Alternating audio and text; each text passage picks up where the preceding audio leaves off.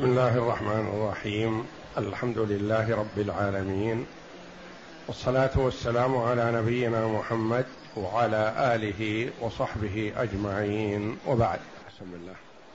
أعوذ بالله من الشيطان الرجيم. بسم الله الرحمن الرحيم. ولئن قتلتم في سبيل الله أو متم لمغفرة من الله ورحمة. لمغفرة من الله ورحمة خير مما يجمعون. ولئن متم أو قتلتم لإلى الله تحشرون. هاتان الآيتان الكريمتان من سورة آل عمران. جاءتا بعد خطابه جل وعلا لعباده المؤمنين بقوله يا أيها الذين آمنوا لا تكونوا كالذين كفروا وقالوا لإخوانهم إذا ضربوا في الأرض أو كانوا غزا لو كانوا عندنا ما ماتوا وما قتلوا ليجعل الله ذلك حسرة في قلوبهم والله يحيي ويميت والله بما تعملون بصير. ولئن قتلتم في سبيل الله أو متم لمغفرة من الله ورحمة خير مما يجمعون.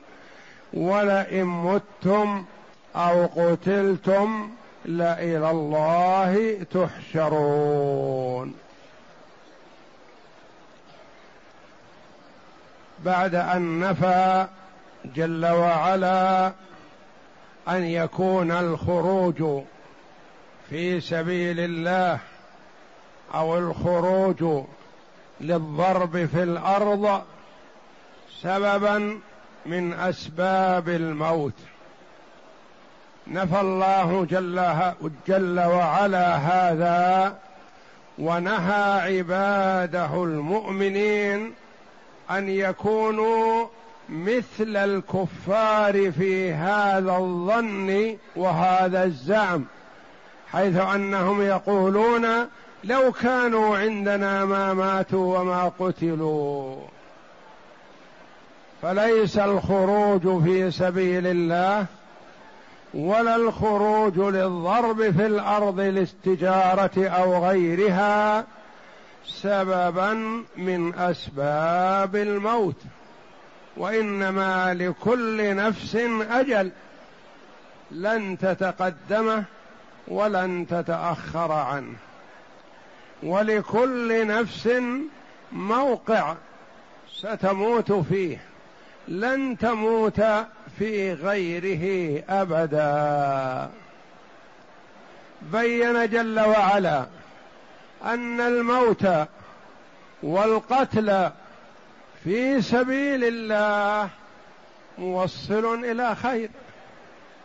ما ينبغي أن يهرب عنه ولا أن يخاف منه وإنما هو موصل إلى مغفرة ورحمة. والمؤمن يسعى لطلب المغفرة والرحمة من الله فهو يطلب ولا يهرب منه. الموت في سبيل الله أو الموت في السفر أو الموت على الفراش ما يهرب منه. وكما جاء في الحديث إذا أحب العبد لقاء الله أحب الله لقاءه. فالمؤمن إذا احتضر فرح بالموت وسر وأخذت أسارير وجهه تبرق فرحا بما يبشر به. ولهذا جاء أن الجنازة إذا حملت على الأكتاف المؤمنة تقول عجلوني عجلوني. تريد مكانها الروضة من رياض الجنة. نسأل الله الكريم فضله. نجعل الله نسأل الله جل وعلا أن يجعل لنا ولكم. ذلك روضة من رياض الجنة. تقول عجلوني عجلوني. فالمؤمن في الدنيا ينسى هذا ويكره الموت كما قالت عائشة رضي الله عنها لما قال النبي صلى الله عليه وسلم إذا أحب المؤمن لقاء الله أحب الله لقاءه. وإذا كره المرء لقاء الله كره الله لقاءه. قالت يا رسول الله إذا كان لقاء الله في الموت فكلنا يكره الموت. قال لا ليس في الموت وإنما هو في البشارة. المؤمن إذا احتضر بشر. كما في قوله تعالى إن الذين قالوا ربنا الله ثم استقاموا تتنزل عليهم الملائكة. الا تخافوا ولا تحزنوا وأبشروا بالجنة التي كنتم توعدون. فإذا قيل للمؤمن هذا القول يفرح. ويتمنى الإسراء. ولهذا جاء أنه أحيانا بعض المحتضرين يقول تقدموا قربوا قربوا. ومن حوله ما يرى أحد لكن هو يراهم يرى الملائكة. ويفرح بهم ولا يستطيع أن يخاطب من عنده من الأحياء وإنما يخاطب الملائكة.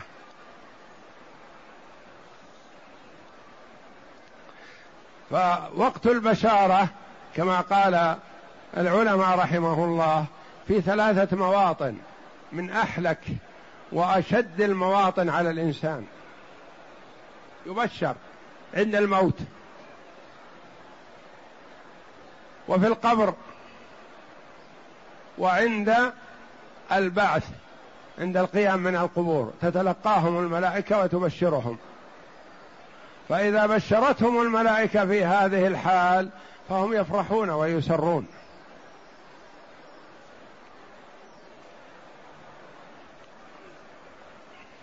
فإذا بشر المؤمن بلقاء الله وبشر برحمة الله ورضوانه استبشر وفرح وتمنى ذلك. ولذا قال الله جل وعلا ولئن قتلتم في سبيل الله أو متم هنا بدا بدأ بالقتل في سبيل الله لأنه هو المقصود. وهو الذي يحرص عليه. بخلاف الآية السابقة فذكر اولا الضرب في الأرض ثم الغزو. وقالوا لإخوانهم إذا ضربوا في الأرض أو كانوا غز غزا لو كانوا عندنا ما ماتوا في الضرب في الأرض وما قتلوا في الغزو. وهنا قال جل وعلا ولئن قتلتم في سبيل الله في الغزو أو متم لمغفرة من الله. اللام هذه في قوله تعالى ولئن قتلتم لام موطئه للقسم تشعر بأن فيه قسم. ولئن قتلتم في سبيل الله أو متم. أين جواب القسم؟ مدخول اللام. لمغفرة من الله ورحمة. لئن متم لئن قتلتم في سبيل الله أو متم لمغفرة. لمغفرة من الله ورحمة. ومغفرة محلها من الإعراب مبتدأ. وخبرها خير مما يجمعون. لمغفرة من الله ورحمة ما جاء الخبر. الخبر خير مما يجمعون. وصدر الجملة هو جواب القسم. ولئن قتلتم في سبيل الله أو متم لمغفرة من الله. ولئن قتلتم في سبيل الله أو متم متم فيها قراءتان سبعيتان.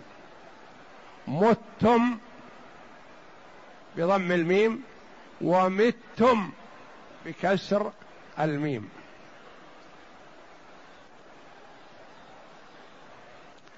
كسر الميم من مات يموت. وفتح ضمها من يمات. يمات. مبني للمجهول. يعني أنه إذا مات أو أميت أو يمات ولئن مت ولئن قتلتم في سبيل الله أو متم ولئن قتلتم في سبيل الله أو متم لمغفرة من الله من الله ورحمة يعني أن الموت في سبيل الله والقتل في سبيل الله والموت إلى أين يوصلكم؟ إلى مغفرة من الله ورحمة يقول بعض السلف وقد مرض وأوشك على الموت. قال لا تخافوا علي. أين أذهب؟ إذا مت. إلى الله. والله جل وعلا أرأف بي منكم. فهو جل وعلا أرأف بالولد من والديه. وأرأف بالوالدين من الولد. ولذا وصى جل وعلا الوالدين بالأولاد. ووصى جل وعلا الأولاد بالوالدين. في آيات من كتابه يوصيكم الله في أولادكم للذكر مثل حظ الأنثيين ووصينا الإنسان بوالديه. فالتوصية من الله جل وعلا. إلى الوالدين بالأولاد وإلى الأولاد بالوالدين فهو جل وعلا أرأف وأرحم من الوالدة بولدها ومن الولد بوالديه. ولئن قتلتم في سبيل الله يوم متم لمغفرة موتكم يوصلكم إلى هذا الشيء وهو المغفرة والرحمة. غفران الذنوب والرحمة بدخول الجنة. أنت رحمتي أرحم بك من أشاء من عبادي. لمغفرة من الله ورحمة. خبر مغفرة. خير مما يجمعون. أو خير مما تجمعون. قراءتان سبعيتان. خير مما يجمعون أي الكفار من حطام الدنيا. أنتم إذا قتلتم أو متم وصرتم إلى مغفرة من الله ورحمة خير مما يجمعه الكفار من حطام الدنيا.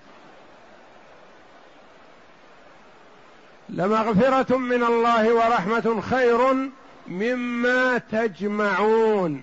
مما تجمعون أنتم. يعني خير لكم. الموت في سبيل الله خير لكم من الغنيمة التي تأخذونها وتتقاسمونها. خير مما تجمعونه من المغانم. لأن الميت في سبيل الله حي يرزق عند الله جل وعلا. حي في الجنة. خير مما يجمعون. يعني لا تهربوا من شيء ينبغي أن تهربوا إليه. مع أنه نفى أن يكون الخروج في سبيل الله والضرب في الأرض سببا للموت. لا هذا ليس سببا للموت. وإنما الموت وقته محدد ومكانه محدد ما يتقدم عنه الإنسان ولا يتأخر. لكن إذا حصل الموت فهو خير لكم. فما يهرب من الموت وإنما يهرب المرء من الموت لشعوره بسوء صنيعه الذي يستحقه الله جل وعلا. فهو يهرب وإلا فالذي يحسن العمل بينه وبين ربه يرغب في الموت. والنبي صلى الله عليه وسلم خير. هل يرغب البقاء في الدنيا أو اللحاق بالله تبارك وتعالى؟ فاختار عليه الصلاة والسلام الرفيق الأعلى.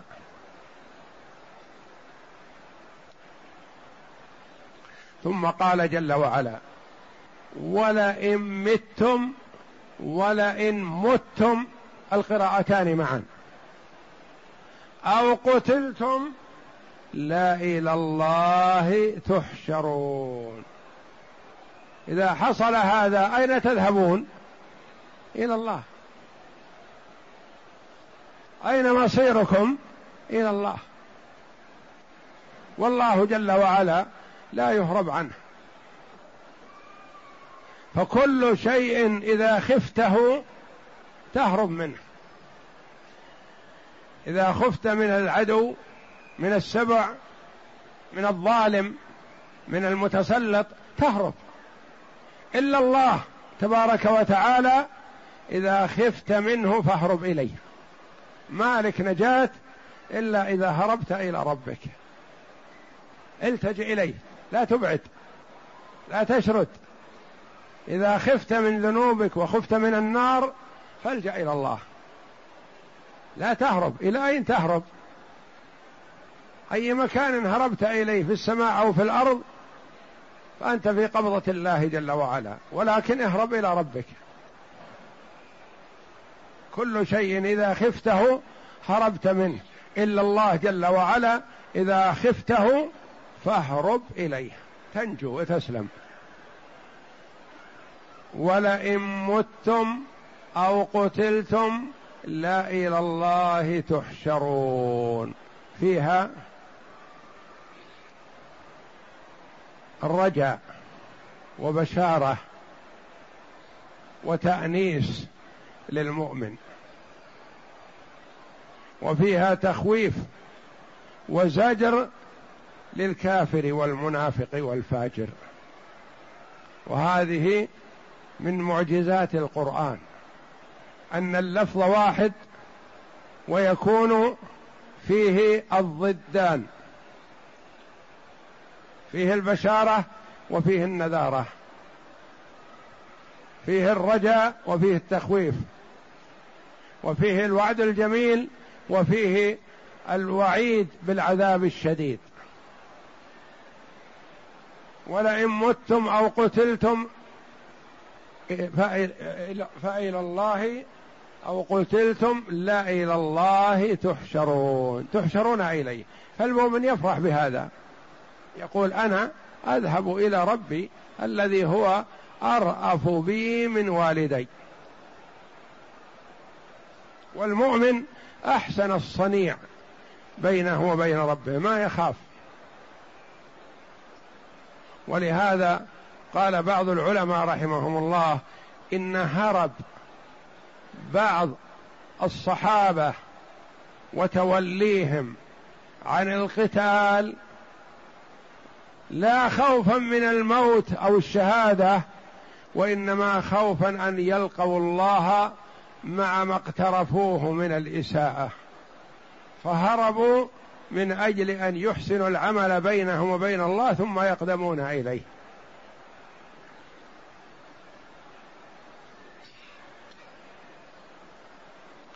وفيه تحذير للكافر والمنافق والفاجر اصنع ما انت صانع. ومآلك إلى الله. ما موقفك إذا وقفت بين يد يدي الله وقد عصيته وقد خالفت أمره. نهاك فلم تنتهي. أمرك فلم تأتمر. أعطاك فلم تعطه ما طلب منك. ما موقفك؟ لا تظن أنك تهرب من الله أو تبتعد عنه أو لن ينالك مثل ما الحال في الدنيا إذا خفت من أحد هربت منه وقد تسلم من شره. فالله جل وعلا لا محيص ولا مهرب ولا ملجأ ولا منجى منه تبارك وتعالى إلا إليه سبحانه. لا إلى الله تحشرون. وكلمة تحشرون فيها معنى أنكم تذهبون إليه وإن لم تريدوا ذلك. رغم أنوفكم تذهبون إليه لا خيار لكم. تحشر حشر يساق. وكل الناس يحشرون لكن منهم من يحشر مكرما معززا ومنهم من يحشر مهانا ذليلا والعياذ بالله. منهم من يحشر على نجب راكب. ومنهم من يحشر يمشي. ومنهم من يحشر يمشي على رأسه. ما يتمكن من المشي على قدميه يمشي على رأسه وعلى وجهه. قال بعضهم كيف يستطيع أن يمشي على وجهه؟ وتصير رجلاه فوق. ما يستطيع. قيل له الذي أقدره على المشي على رجليه قادر على أن يمشيه على رأسه ووجهه. يحشرون على وجوههم عميا وبكما وصما والعياذ بالله.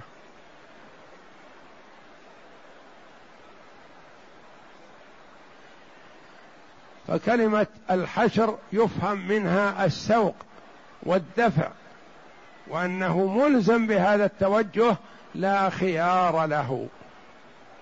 لكن شتان بينهم فهم بينهم مثل ما بين المشرق والمغرب مثل ما بين السماء والأرض في التفاضل أقرأ. قال المؤلف رحمه الله تعالى وقوله تعالى ولئن قتلتم في سبيل الله أو متم لمغفرة من الله ورحمة خير مما يجمعون تضمن هذا أن القتل في سبيل الله والموت تضمن هذا أن القتل في سبيل الله والموت أيضا وسيلة إلى نيل رحمة الله وعفوه ورضوانه وذلك خير من البقاء في الدنيا وجمع حطامها الفاني. لأن الإنسان في بقائه في الدنيا لا يدري ما عند الله له فبالموت يصل إلى هذا الخير. ما يصل إليه إلى هذا الخير إلا بسبب بعد الموت. قبل الموت ما يدري. فأنت لا تخف من الموت لأنه يوصلك إلى هذا الخير. نعم. ثم أخبر تعالى بأن كل من مات أو قتل فمصيره ومرجعه إلى الله عز وجل فيجزيه بعمله إن خيرا فخير وإن شرا فشر. فقال تعالى إن خير فخير يعني إن كان قد عمل خيرا فمآله إلى الخير وإن كان قد عمل شرا فمآله إلى الشر.